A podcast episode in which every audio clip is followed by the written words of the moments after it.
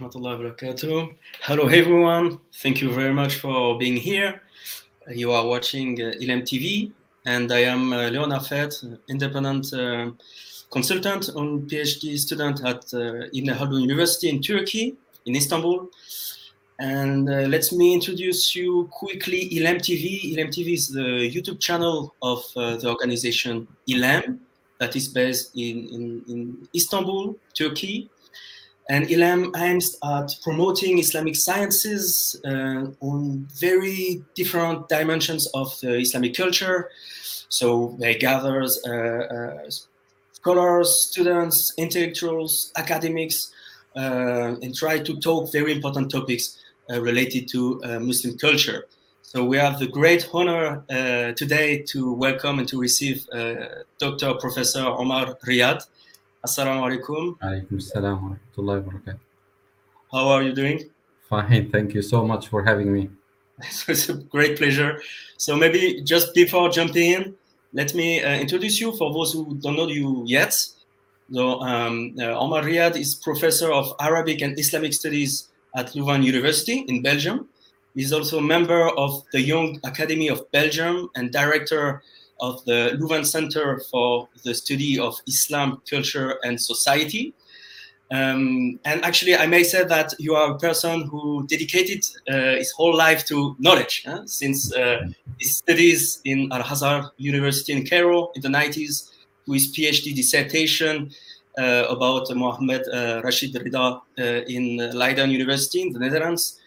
Uh, Umar Ryad was also assistant professor in Leiden University, in Utrecht University, uh, and uh, uh, he taught also in Bern University, in Oslo University, was research fellow in many university and institutes in Germany, and is of course authors, author of numerous of articles, chapters, and books. And I may say that um, those uh, your contributions, uh, Ustaz, is mainly focused on the relation, multiplex relations between Muslims, Europe, and modernity. So I have, for example, in mind two of your books, um, um, the Muslim reception of European Orientalism, for example, that you co-edited with uh, Susannah uh, Heschel, and uh, the Muslims in interwar Europe, right? Uh, so maybe as an introduction, I may ask you this first question: uh, What motivated you to focus uh, on those uh, those interactions between Islam, Europe, and modernity? What was uh, the motive? What pushed you? Thank you so much. Uh, you know, I mean, just I'm very happy to be with you today, really, um, and it's it's an honor to to speak to you and to the, the public and also the lovers of uh, the ILEM institution and, and TV. Um, I think my answer to this question could focus on a personal story and academic story.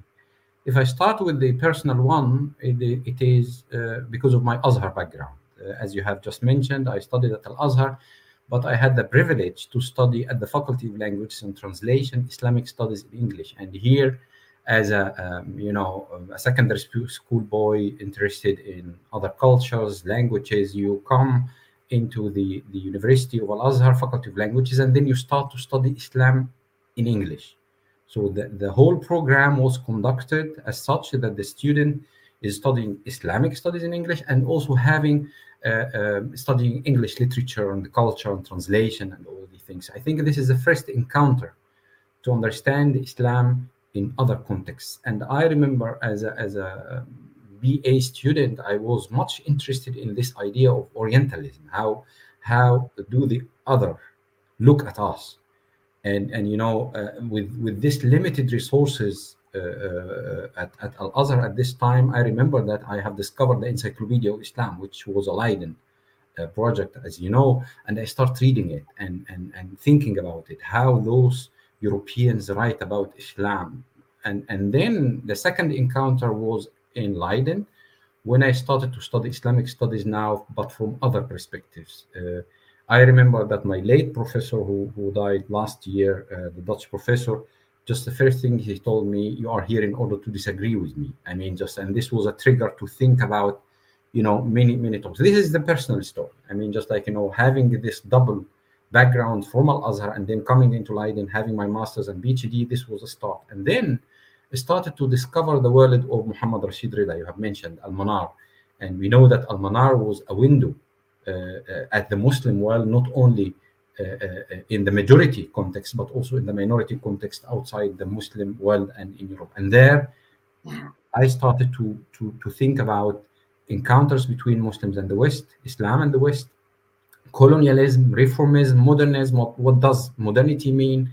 What are the challenges that are facing Muslims from the colonial time on? And I think this is the academic story could ha, has started there, writing a master thesis and a PhD on Rashid Rida, and then having an ERC, uh, European Research Council, uh, project focusing on Muslims in interworld Europe, the volume you have mentioned, and this is this is uh, you know the story of my early career. I would I would just uh, admit yeah. this ERC project. Yeah, yeah, yeah. I, I think very interesting, uh, Steph, the fact that in in this project you you, you mentioned right now uh, Muslims in inter Europe, you just you don't just focus on Muslims who are perceived as non-European, honestly, like coming from the majority Muslim majority societies but you focus also on profiles that are really European, let's say, from mm-hmm. those. I, I, don't know, yeah. I'm not using the proper words here, but uh, and very early, actually, we don't have this in mind when you when you think about Muslims in Europe. We think about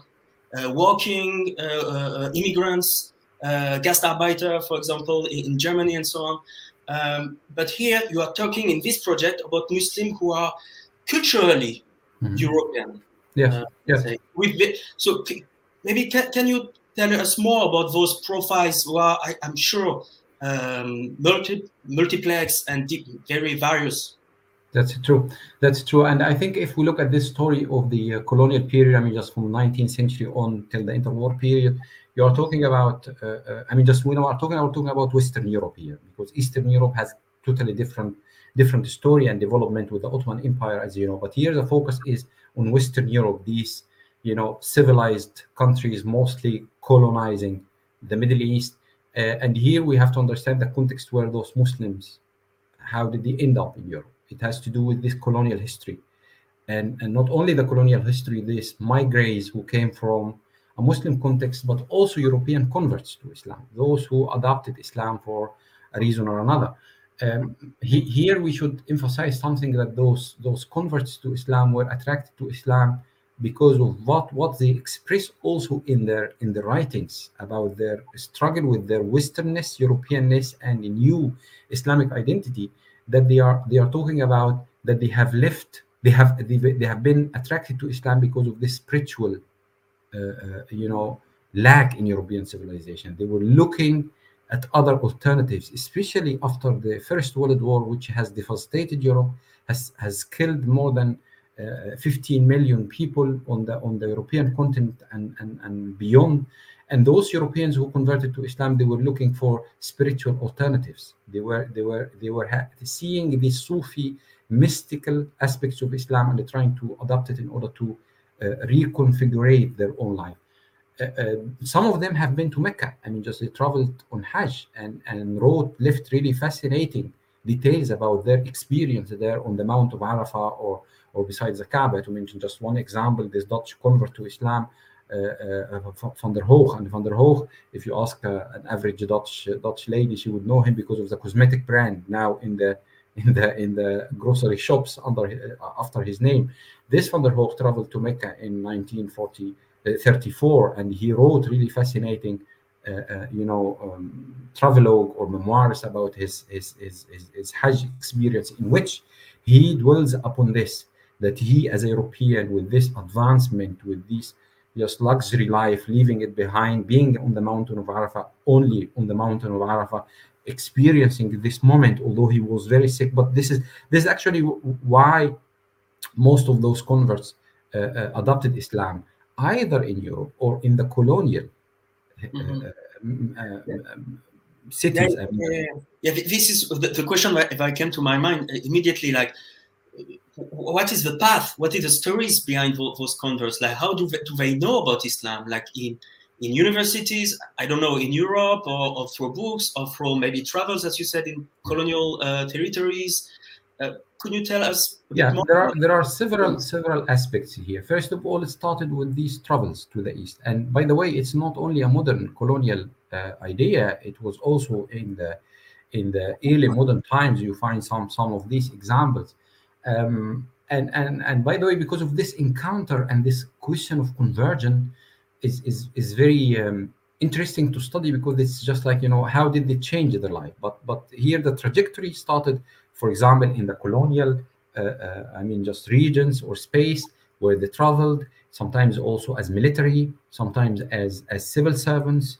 And and they started to know islam. Others would just a story start in in a book reading about islam being seeing just like you know struggling with some theological problems in in their own religion or culture and then finding these solutions in Islam, looking for the spiritual paths.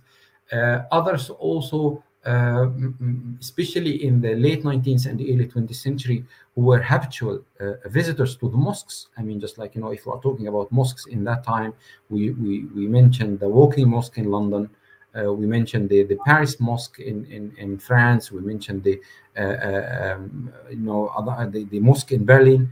But but here I, I should emphasize that you find the Lahore Ahmadiyya movement were very very active mm. in Europe at this time, and and some of those converts they knew Islam through not not not I mean just the Qadianis and the Lahoris were active, but the Lahoris were more more more or less successful in in in, in getting. Uh, uh, not only converts but also Sunni Muslims. I mean, the Sunni Muslims in that period were mostly inclined to visit a Lahori mosque than a Qadiani one. Mm-hmm. So this is something we have to understand also their role in, in, in, in, that.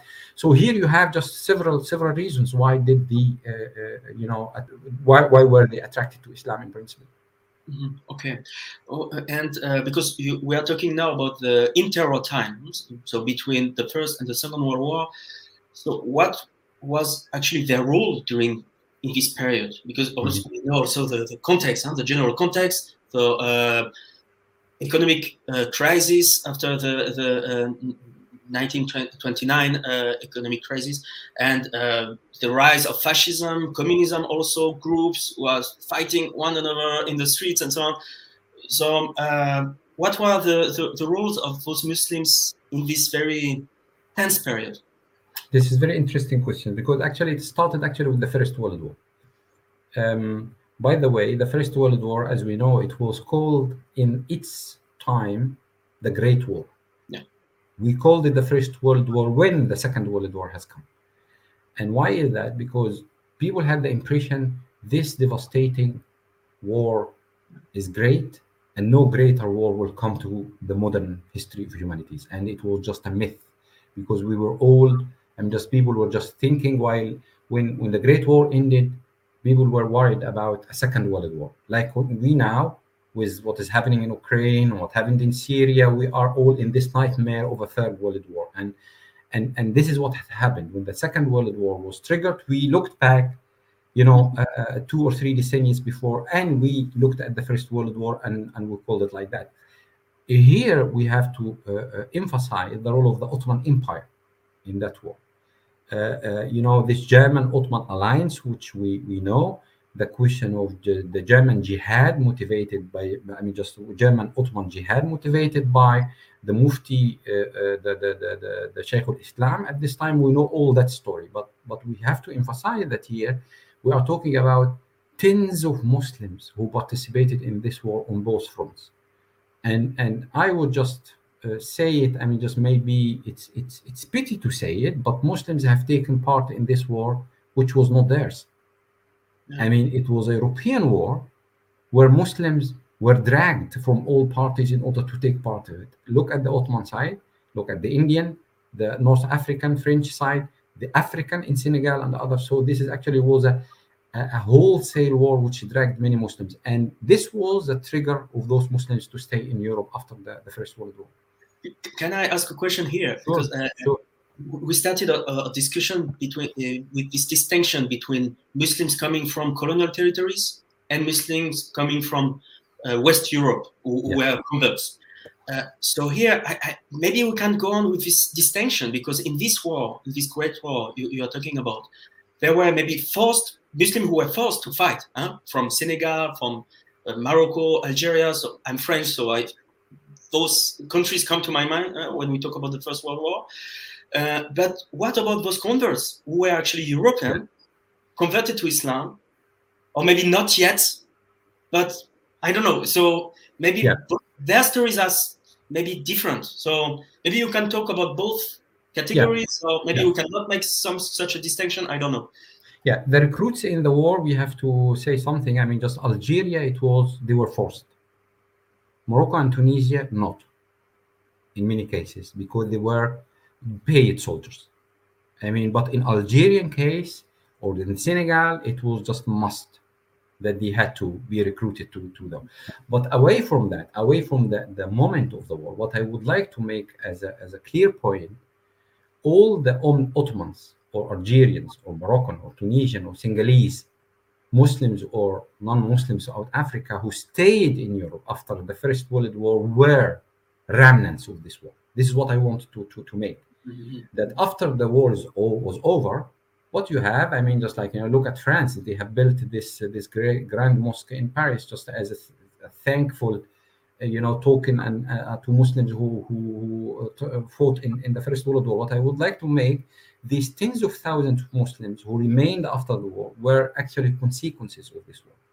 We shouldn't forget also in 1919 with the Paris Conference. I mean, just like you know, some of those intellectuals and politicians just remained in Europe also and made Europe their own destination. Some of them also were exiled.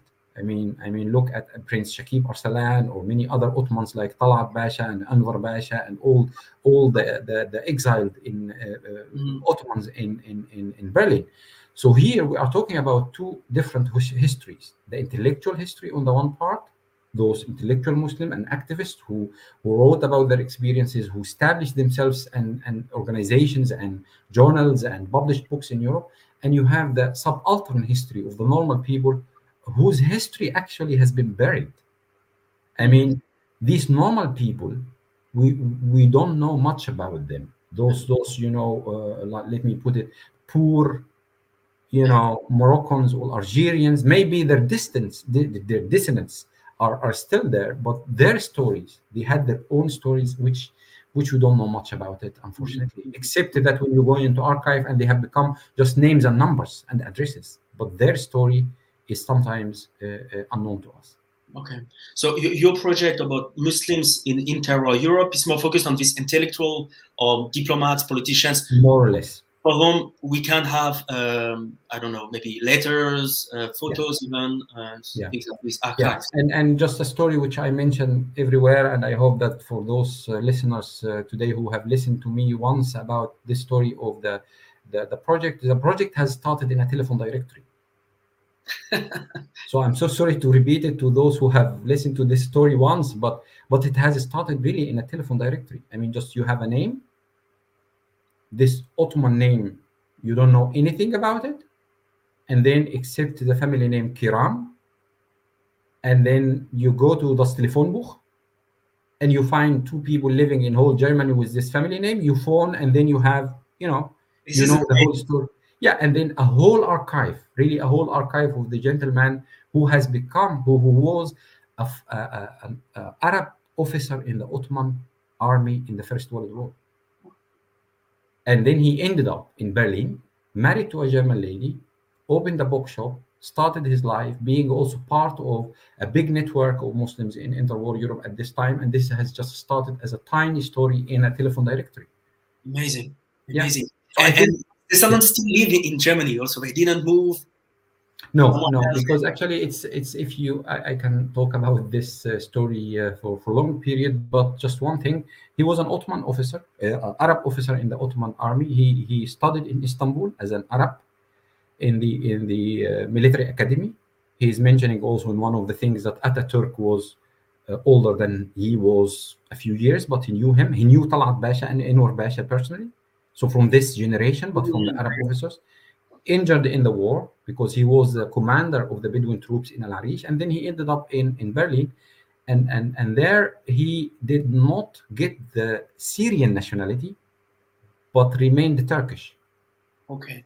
So after the, the, the Turkish Republic, he became he became Turkish till the end of his life. His German wife had to uh, uh, get the German to to, to uh, quit the German nationality, and she was so she was uh, Turkish. His son Harun Rashid remained Turkish till the 50s. He could not get the German nationality. So you have now an Arab Turkish story in that, and I think just like you know, uh, I don't want to get into much details about this figure, but what I wanted to, to, to what I want to say and to emphasize, I have told you that some of these personal stories have been almost buried in history, but they are still there. So you can get Yeah. these stories again. You can reconstruct them again if you have the luck and to find their their their uh, archives. Uh, Yeah. Yeah. And I find this very interesting because you know nowadays, you know the mediatic and political political debate nowadays about Muslims. We talk a lot about uh, immigrants, migrations. Um, so I would not even go to the far right uh, uh, uh, propaganda and polemics, but uh, somehow what you are saying is like actually uh, Muslims are European for much more longer than what we suppose or what we we yeah we assume. And uh, uh, so maybe we can keep talking a bit with this particular story because this illustrates also the, the whole uh, topic. So what happened for example uh, to, to his uh, to his publishing house? He said he, he established Yeah. publishing house. So Yeah. because then you know the national socialist uh, regime uh, came into power so Yeah. uh, um, so what happened in this very time where it was not good to be foreigner in, in, in, Mm. in Germany, right? So uh, Mm. what happened to him? What happened to his uh, publishing house? Do we still have this building until Mm. today, reminding of? We have only pictures, and unfortunately, I cannot show show you uh, this here. But we have pictures of this publishing house, which was his mom, his his wife's uh, property uh, originally, but he called it Maktabat al-Sharq wal-Gharb, the the work bookshop of, of Orient and Occident. Um, what happened? We have to get a bit back uh, to the situation of Arabs and Muslims in Nazi Germany. Uh, because the Nazis, because of their, um, let me put it this way, their, their interests in the East, the Jewish Palestinian conflict, they were bidding on that. So, therefore, they have treated the Arabs uh, carefully compared to the Jews. Although the Arabs were, were Semitic, but they were very careful in treating with them because of their opportunistic, pragmatic relationship with the Middle East. Um, to, to make it clear, and some of those Arabs ended up in, in Nazi circles. They were working, for example, you have Radio Berlin in Arabic, and there some of those Arabs and Turks they worked there in, in these radio programs uh, against the French and the, the British. So the enemy of the enemy is a friend. Mhm, mhm. So Mhm. even the Nazis, for example, if you if you think about Mein Kampf, uh, a proposal was was made in that period whether we should translate it into Arabic. But Mein Kampf contains some nasty things about the Arabs. Yeah. Should we remove them or not? But Hitler did not agree that they should be removed, should remain there. So we have in the Nazi period just extracts, translated extracts of the of Mein Kampf. So the situation of the Arabs were, were very, very uh, difficult. For example, when the Nazis would uh, decide to collaborate with somebody from the East, they would say, okay, but he is not 100% Semite, he is Caucasian Mhm. so he belongs to other ethnic race so here, here you have here but somebody like Kiram, he, he worked in radio berlin. He was involved in some activities. Some people said that he was a double agent working to the british through the turkish consulate in in austria while he's working for the germans. So it's it's a bit i, I make it just some make a joke sometimes. When you read these stories it is just james bond in in, in that Yeah. time. I mean just this espionage and and these things you read about about these stories which you, which you see only in films. But this was the, the fate of those of those muslims. When you look at the european scale those muslim intellectuals they, they wanted also to have a space in europe they wanted to establish schools more mosques uh, to mention just one example the first european muslim congress was initiated in geneva in 1935 under the auspices and the leadership of Prince Shakib Arsalan.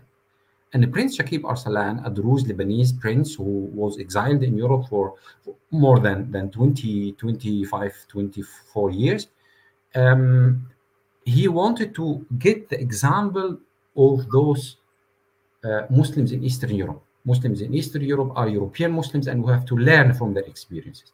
So he wanted to establish schools, mosques. But what has happened three, four years later, the Second World War was erupted, and all the dreams and hopes of those Muslims just like you know vanished with the war. Yeah.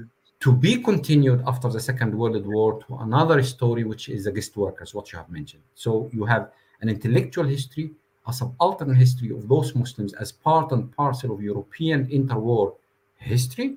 But after the Second World War, you have a totally different history, which is here related to the reconstruction of Europe, mm-hmm. uh, the guest workers who came in the 50s and 60s and later and established themselves in, in Europe and they have become citizens. I mean, just those intellectuals in the interwar period, they did not have European nationalities. But yeah. after the guest workers story, they have become citizens. Yeah, yeah, interesting. So, so how can we maybe interpret the relations between those two stories, those, those, those two yeah, categories of Muslims coming to Europe or having a, a, relation with Europe. So you have these intellectual stories and maybe more, I would not say working class or maybe more popular stories, right? Yeah. Uh, uh, so how can we connect both? Uh, and so yeah. maybe as uh, someone who analyzes these stories, but also, is there any connections concretely for schools, for mosques? I don't know, yeah. mosques, maybe. I, th- I think my answer would be divided into things. If we are look at the what bigger umbrella questions, which I could would call umbrella question, that that these uh, uh, challenges Islam and the West, modernity, uh, a question of uh, of uh, our, uh, how do we perceive this Europe?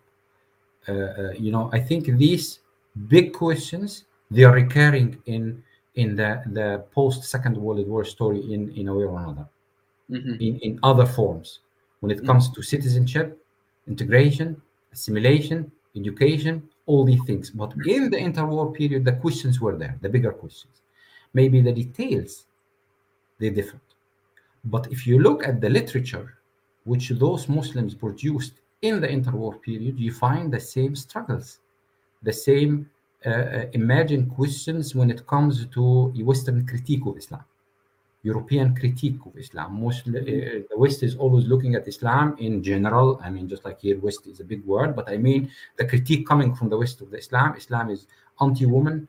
Islam is is is is, is uh, uh, you know a militant religion. Islam is this and this. All these remnant of medieval thinking about Islam is still there in the discourse, and it was also in the discourse in the colonial period. And those Muslims in interwar Europe, they were reacting on that. They were looking at Europe on the one hand as the ugly colonizer, but again, it's their civilization, the mixed marriage, the, the, their, their, their integration process. After the Second World War, the same big questions they remain on that intellectual level, but it has now uh, differed in practice. I would just mention maybe, if you allow me, three stages, maybe four, I don't know, by which Muslims have developed their position in Western Europe after the Second World War. You look at the first stage, these were the guest workers without families. Just like, you know, uh, men mostly coming to work, living together, do not have this communal problem praying in, in, in prayer halls. Mosques were very minimum. They were not really widespread as we see we see nowadays. So the religious needs were also minimum. It's only fasting, praying, you know, maybe maybe thinking about halal meat, halal mm-hmm. slaughter meat. So it was just like you know within these individual male, mostly male communities. So the religious needs were not that that much. Europe also has looked at them. I mean, here politics, uh, administration. We're looking at them as temporary workers. They are here for a few years and they will leave. So they did not consider the idea of a kind of institutionalization of Islam. Europe did not think about it. But once they had the right to get European nationalities, this has changed because now they have become citizens the family reunion, the families came in the 70s, 80s, And when you have a family, family is the unit of the society. Family needs schools, family needs mosques, family needs organizations. So now Muslims have started to rethink their position, establish more mosques, having citizenship rights, away from all the racist discrimination discourse in Europe, whatever it is, but they, they were and they are still citizens with, with specific rights. Here you have just like a kind of friction between mm-hmm. the existence of Muslims and Islam and European societies. And this friction, I explain it in the following Europe has become uh, uh, um, individualized when it comes to religion. Religion is pushed to the, the, the private domain. Religion should not have a space on the street because of this secularization process which has become after the 60s very very strong in europe after the student movement and all these liberation movements in europe. While the europeans are pushing religion to the private domain what has happened muslims because islam is a visible religion like like judaism have come with their mosques with their minarets with their arabic letters on the streets of, of hamburg or, or brussels or amsterdam. Now on the one hand you have what you can call the de-churching of Europe. Europe does not recognize the church as a public institution in, in, in, in, in some countries, while Islam is being established. And here it is coupled with all the economic crisis. So Muslims were looked at as the foreigners who come to our place in order to have our jobs, in order to have our place, in order to have their visible religions, which we this foreign religion, what is doing there. And then this has in the 90s and up, and this is the third and fourth stage, which we will mm-hmm. talk about till 11th of September, is uh, coupling the internal local Islamic debates to the internationalization of what the so-called in European media Islam problem. Yeah. Look at Algeria, look at the radical radical movements everywhere. So you see here you see that that that that it is it, it, this this is has started. This friction has started because yeah. islam is not only the local problem is not the, only the local debate but it is also uh, connected to a bigger uh, a bigger uh, uh international uh, uh, debate about islam as a religion and and also terrorism between brackets. So yeah it is interesting. Here is like actually you, you mentioned like the first step was those workers who came alone, so they didn't have this great need to build mosques, etc., etc. And at the same time, in this interwar uh, period, you mentioned also that Muslims who had another background, another intellectual or stat, social status, social position, they already started to establish something mm-hmm. bigger than the only individual worshiping. Yeah. Uh, but maybe, as you said, at, at that time, the world problems were not uh, problematized in the same way. And all the number. Sorry. The number of Muslims were was not that that big as we see it in the in the post Second World yeah. War period. Yeah, yeah. So yeah. So what happened, for example, like those uh, those organizations of mosques that have been established before the Second World War? Yeah. Even yeah. if it is a few, did they remain after or mostly, which, mostly which role did they play in the integration of newcomers coming from uh, workers and uh, lower social status? Yes this is a very good question because because we are we are talking about individual examples.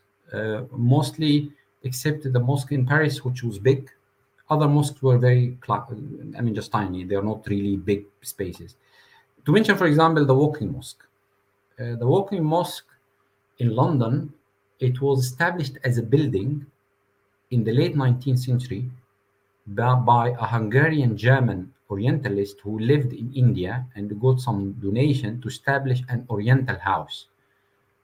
With the Oriental yeah, in an Oriental house, just like a meeting point. And and after his death, uh, what has happened that the building was deserted, and Woking is at the outskirts of London, so it's one hour from London Central.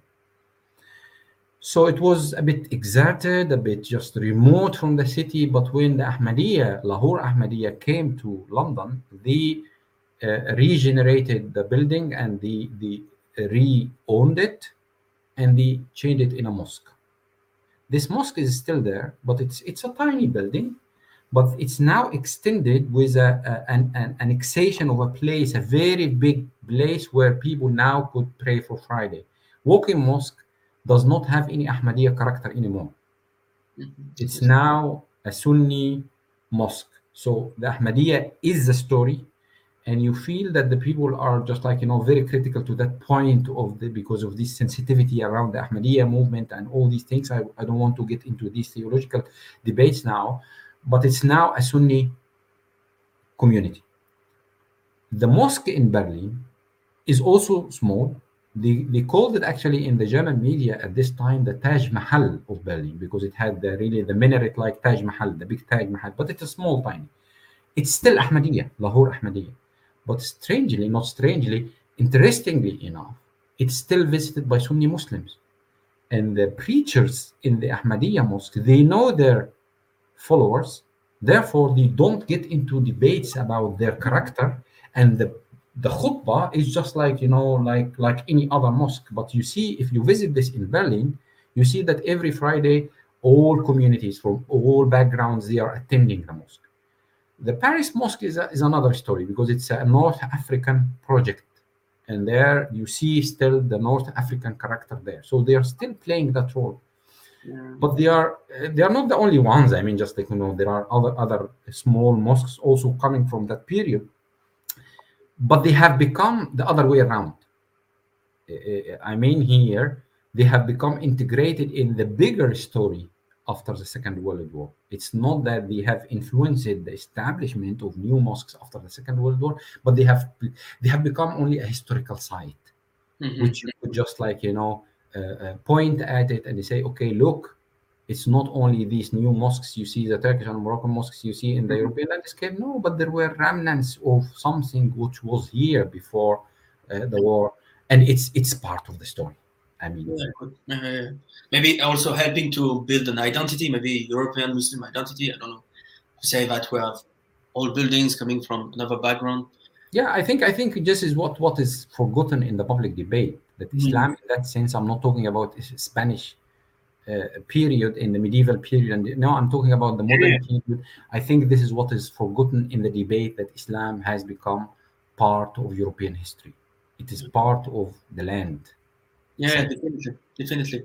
And, and- Ustaz, I I would like also to, to ask you a question. Um, I, I think you also raised in your different contribution and uh, um, participations in debates, conferences, and so on. This question. uh, So we are talking now about like Muslim established in Europe uh, from different backgrounds. Well, a minority. Uh, we I don't know. There's no uh, official uh, statistics, but it is around maybe six, seven percent of the whole European uh, population. Uh, so Western population, I may say. We don't talk about Bulgaria and so on. Um, so yeah so how do they leave islam and i know you talk also about uh, this concept of ilm al uh, aqaliyat uh, to the. Juris, islamic jurisprudence of minorities right? yeah. Yeah. Uh, so something that i find very interesting I, I, don't know much more about it so can, can you tell us yeah. more about this question of how Muslims leave their islam there and how yeah and what is this fiqh al aqaliyat yeah. Yes. Okay. Um, I mean, let me get back to the, this question. I mean, this historical three stages, because in the beginning, what I have said that the religious needs were really minimal. The questions were not that complex, because it's just like you know, okay, praying is praying, fasting is fasting, eating halal food is eating halal food. But once you come closer to this integration of Islam in Europe, you come across very, really crucial debates. Think about political participation. Think about Muslims having a party or not. Voting for a Christian party. This is one. Buying a house with mortgage, which is interest, which is riba, which is haram or not. Uh, a mixed marriage. Conversion to Islam. A woman, a European lady, decides to convert to Islam. Should she divorce from her husband or not? Uh, and many many of these questions being working in in a restaurant while you are uh, required to serve wine and pork all these questions have become very complex and um, depending on the traditional fiqh, will not give the answer. Because I mean, just here I'm, I'm talking about the majority traditional understanding of fiqh. I'm not talking about the minority views. And therefore, some people, some European, some Muslim scholars, especially the late uh, Rahimahullah, Sheikh Taha Jabir al Alwani, I should mention his name because he is the pioneer in that. Sheikh Taha Jabir al Alwani, an Iraqi scholar, studied at Al Azhar. He was uh, the, the chairman of the Triple IT, the Islamic Institute for uh, the International Institute of Islamic Thought in, in the States, in the United States. And as a faqih and usuli, he was thinking about you know those Muslims sending their questions either to Cairo to Al Azhar or to Jeddah or to Pakistan or wherever, they get always traditional answers. And this makes the life of Muslims much more complex and difficult in a European context. Therefore, he should he, he, he thought about it. We should initiate a new fiqh, a new jurisprudence that would fit, on the one hand, the Islamic law. It's not a liberal progressive solution, but it, it emanates Mhm. from the tradition. It The roots. emanates from the original sources, but it should help Muslims in their uh, life. Just to mention one, one, one of these examples, if you allow me.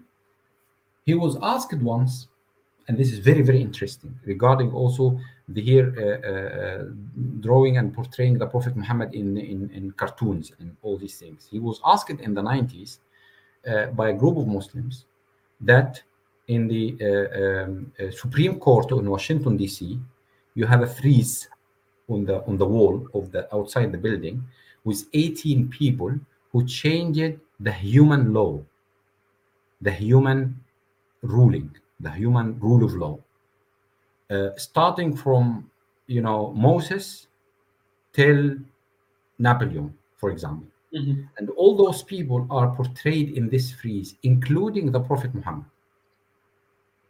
So there is there is a, a- a- a image Great. of the Prophet Muhammad where he is carrying the Quran and a sword, you know, and then he was one of those changers of human law.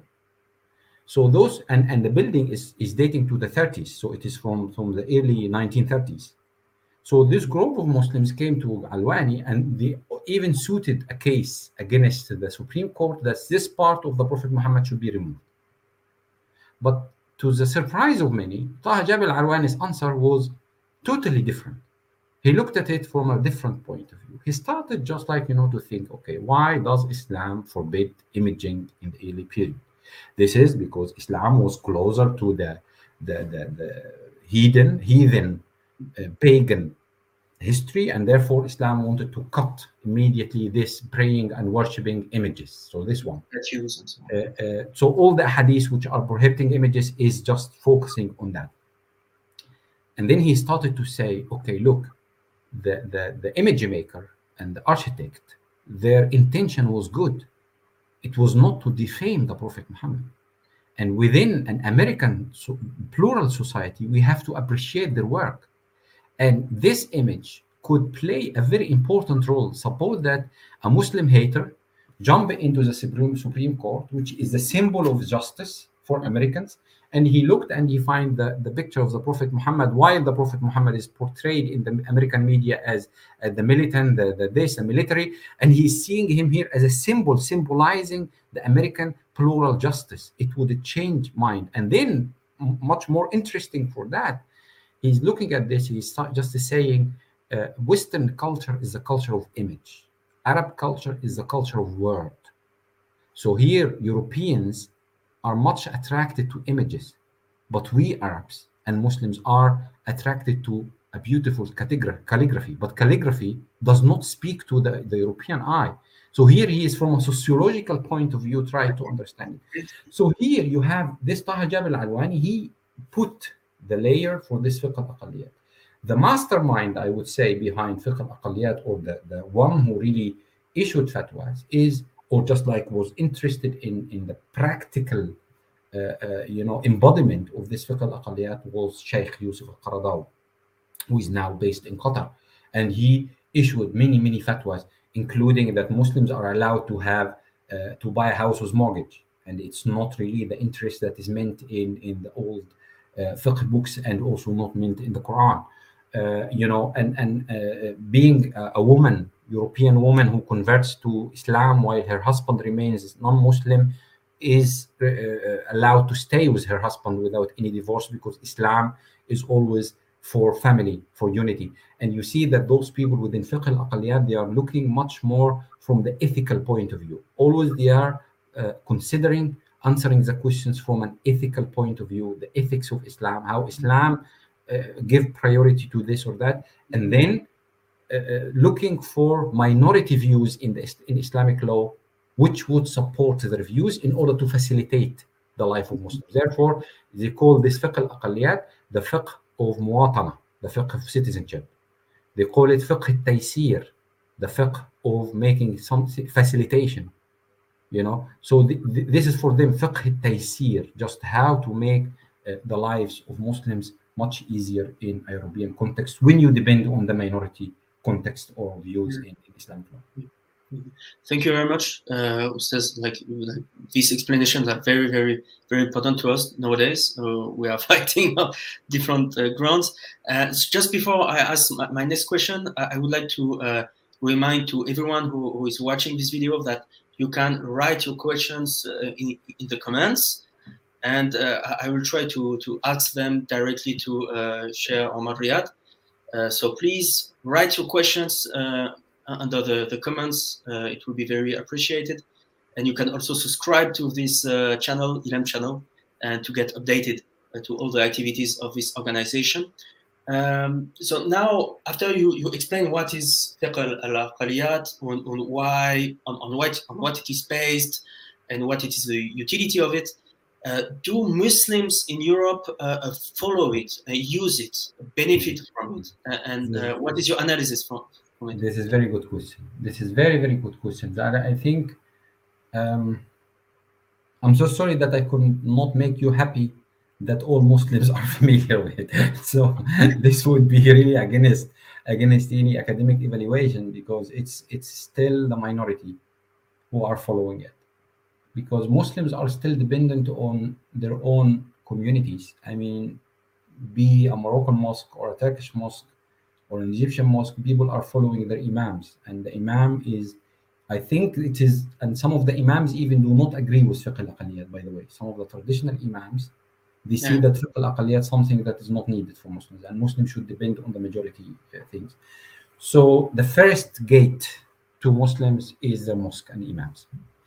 Um, therefore, you find, I think, I think uh, uh, to, to answer your question from a research point of view, we still need sociological research about that mm-hmm. to see how far Muslims are aware of that. And I have some students, uh, for example, in Leiden a few years ago, one of the students made a sociological empirical research how Muslims know about and if they even know about this mortgage fatwa mm-hmm. or are they uh, ready to follow it and you see that Muslims are divided some people are really startled and really surprised how come is there a view like that because you know mm-hmm. yeah. so i think sociological and empirical research is needed in order to define this but it's still very important phenomenon because it, it, it, it, and I think if we do research about this fiqh al we have several methods. First of all, you have this discourse analysis methods so that you think, okay, if this fatwa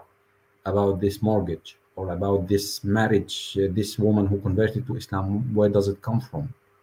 Which mazhab? Which minority views? I think this is very needed in order to look into the fiqh. Where, where does it come from?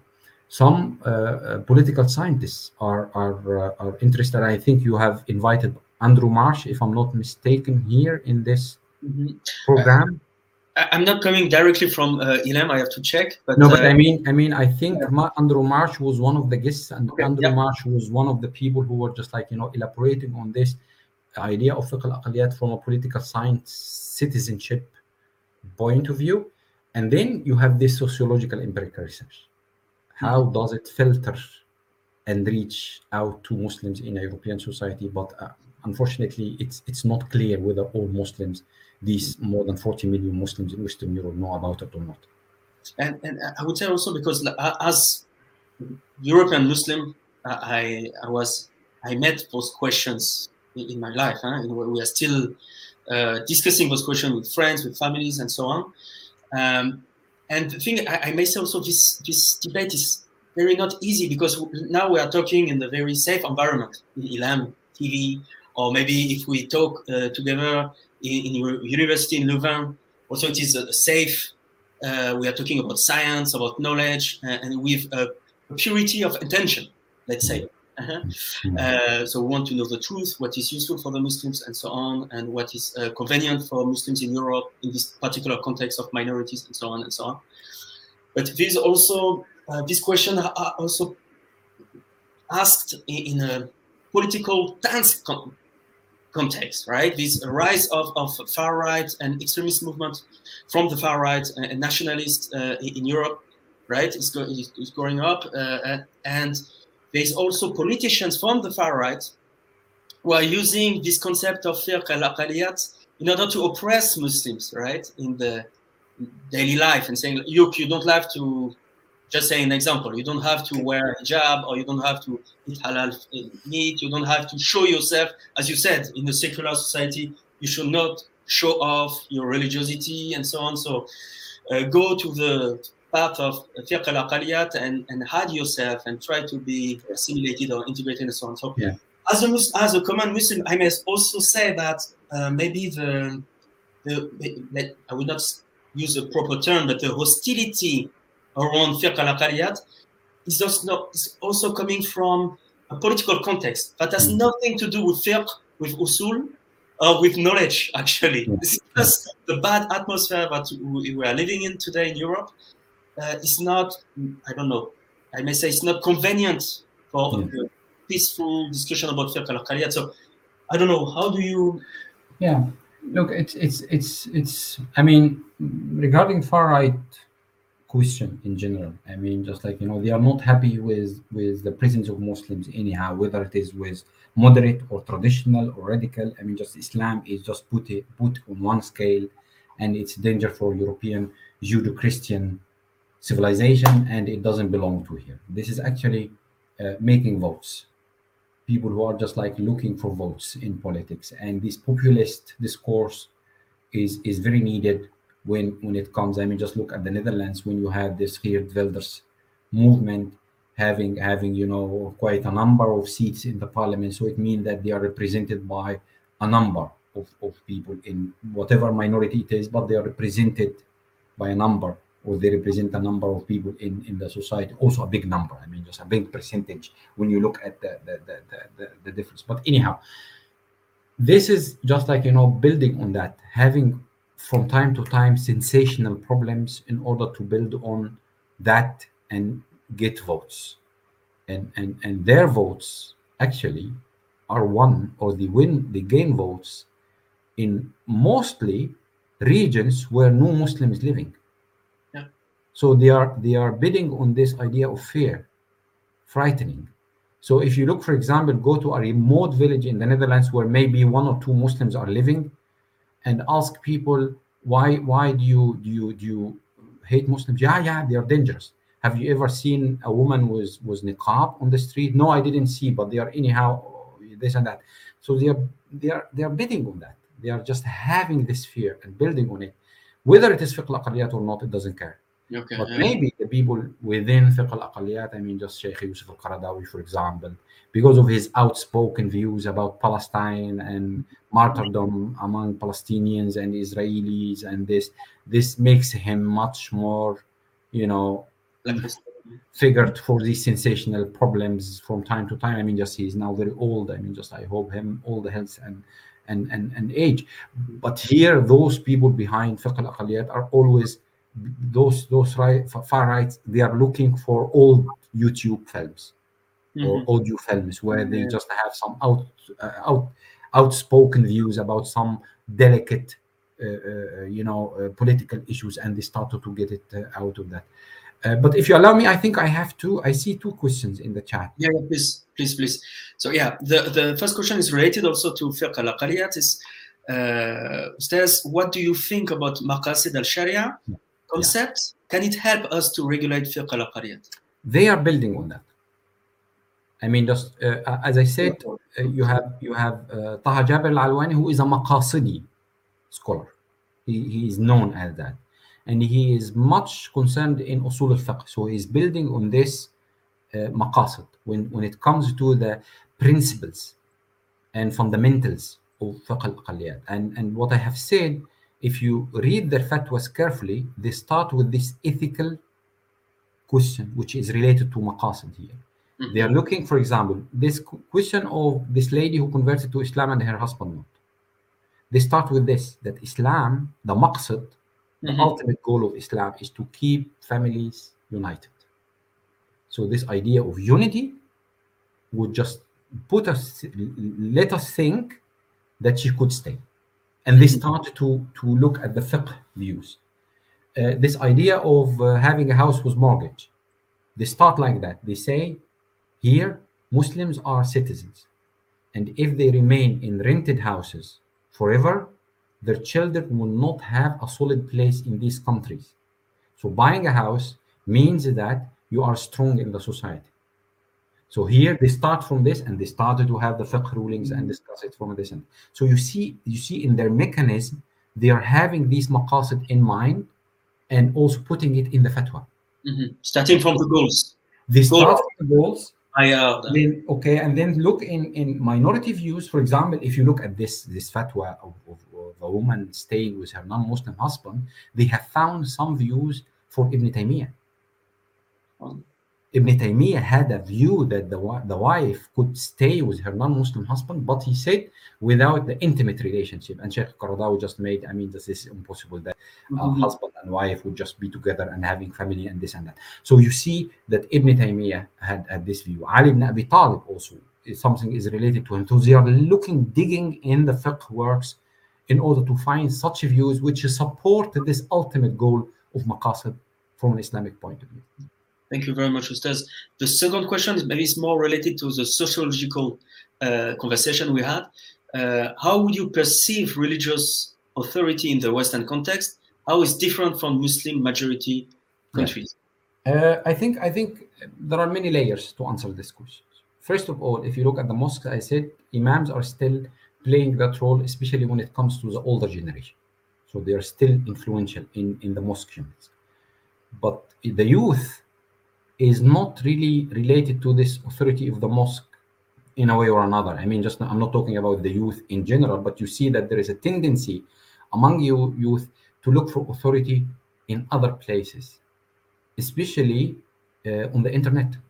And here I'm not I'm not only talking about those uh, radical views who are just picking and choosing some views on the internet, but looking at uh, internet figures, muftis, who mm-hmm. are really uh, dominating the, the social media mm-hmm. people who have just like you know some views and you see that religious authority is now changing from the the, the pulpit from the minbar in the mosque to the, the the air to the internet to the social media and this is also what you see you see there is a tendency among the youth to look for the role models yeah, yeah. On, on the internet and it is very very influential and you see that they are re- re- repeating these ideas of those influential I mean, just influencers, Muslim religious influencers, if you could just say, and there are many, many examples of that. Yeah, yeah, yeah definitely. And uh, like some something coming to my mind, like I, am going actually to a Turkish mosque, and I may say that the uh, my, my, fellows uh, congregational uh, prayers, uh, people who pray with me, they are, most of them they are not Turkish. They don't understand Turkish language. And, and, the, and even for Arabic mosques, by the way, yeah. I mean, just third and fourth generation, they do not understand the khutbah. Yeah. They don't. Yeah. They cannot follow Arabic. And you see, I mean, just it's a pity to say, but you see the, the the children and the youth, they're sitting in the background, just like you know, on their Facebook pages, and you know, because, and but there is a tendency, by the way, there is a tendency nowadays in some Dutch mosques and other mosques that that preaching is in Dutch. Yeah. Now. People yeah, are turning to that because of the, the young generation. They are not really, they do not have good command of Arabic. Definitely. At the moment. Yeah, yeah, okay. Okay.